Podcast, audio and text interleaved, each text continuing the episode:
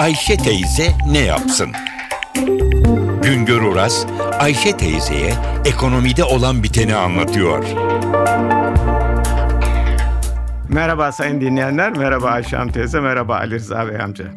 Türkiye İstatistik Kurumu 2012 yılı hane halkı bütçe anketiyle hane halkının ortalama gelirlerini belirledi ve bu gelirlerle ilgili rakamları açıkladı. Hane halkı nedir? Önce oradan başlayalım. Hane halkı Türkiye İstatistik Kurumu'nun belirlemelerine göre aynı konutta yaşayan, akraba olsun olmasın insanlara verilen isim. Türkiye'de 2012 yılında yaklaşık 20 milyon dolayında hane var. Bu hanelerde de yaşayanların ortalama sayısı 3,7 kişi olarak belirlenmiş. İşte bu yaklaşık 20 milyon hanede her ay giren ortalama gelir rakamına göre en düşük gelirliden en yüksek gelirliye göre hanelerin bir sıralamasını yapmışlar. Sonra da bu sıralamayı 5 dilime ayırmışlar. Her dilimde yaklaşık 5 milyon hane var. Sonra da bu her dilimdeki hanelerin ortalama olarak her ay ne kadar gelir girdiğini hesaplamışlar.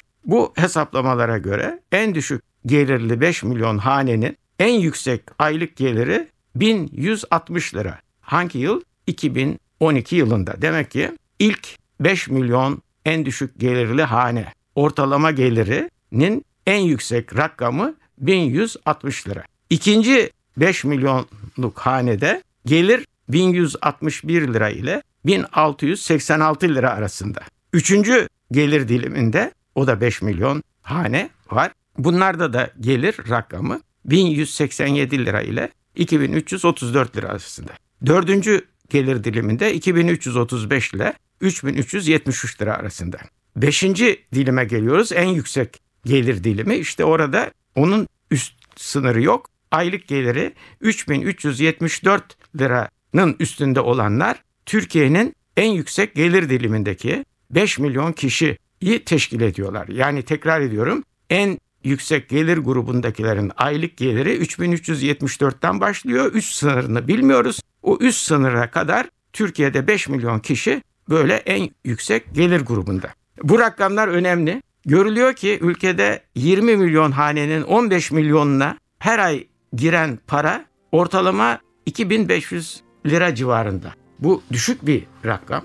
10 milyon hanenin aylık geliri ise 1500 liranın altında. Şimdi Türkiye'de hanelerin gelir rakamlarını, tüketim eğilimlerini, bunlar neden borçlanıyor, nasıl yaşıyorlar konularını tartışırken bu rakamları dikkate almakta yarar var. Bir başka söyleşi de tekrar birlikte olmak ümidiyle şen ve esen kalınız sayın dinleyenler.